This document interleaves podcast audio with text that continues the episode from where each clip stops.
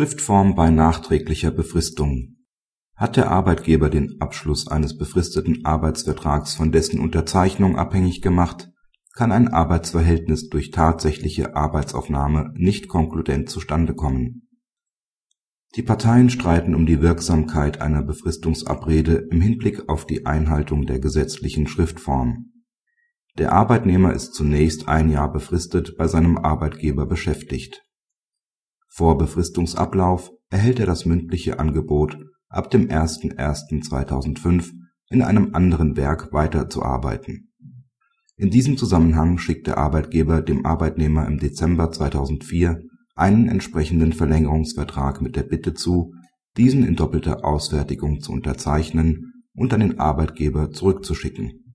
Am 4.01.2005 nimmt der Arbeitnehmer seine Beschäftigung in dem neuen Werk auf er behauptet, den Arbeitsvertrag morgens am 4.01.2005 seinem Briefkasten entnommen und nach Arbeitsende unterzeichnet zu haben.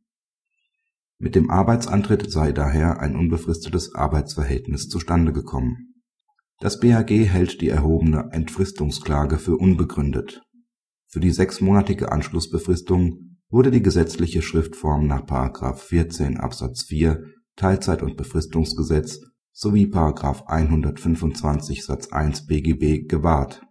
Es ist zwar grundsätzlich so, dass ein unbefristetes Arbeitsverhältnis entsteht, sofern die Parteien vor Vertragsbeginn zunächst nur mündlich die Befristung vereinbaren und diese dann nach Arbeitsantritt in einem nachträglich unterzeichneten Arbeitsvertrag schriftlich festlegen. Die spätere schriftliche Niederlegung führt nämlich nicht dazu, dass die zunächst formnichtige Befristung rückwirkend wirksam wird es kommt allenfalls eine nachträgliche Befristung des Arbeitsverhältnisses in Betracht, was aber nur bei Vorliegen eines sachlichen Grundes und einem erkennbaren entsprechenden Gestaltungswillen der Parteien anzunehmen ist.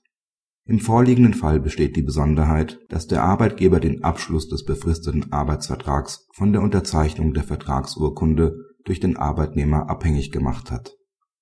Das geht aus dem schriftlichen Vertragsangebot eindeutig hervor in einem solchen Fall kann der Arbeitnehmer das ihm gemachte Vertragsangebot nicht konkludent durch Arbeitsaufnahme, sondern nur durch die Unterzeichnung der Vertragsurkunde annehmen.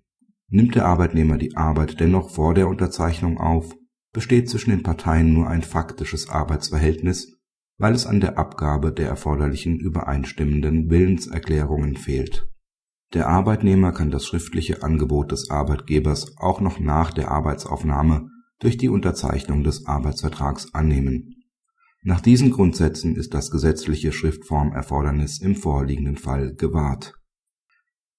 Praxishinweis Das BAG knüpft mit seinem Urteil an eine frühere Entscheidung zur nachträglichen Befristung an und modifiziert diese nicht unerheblich.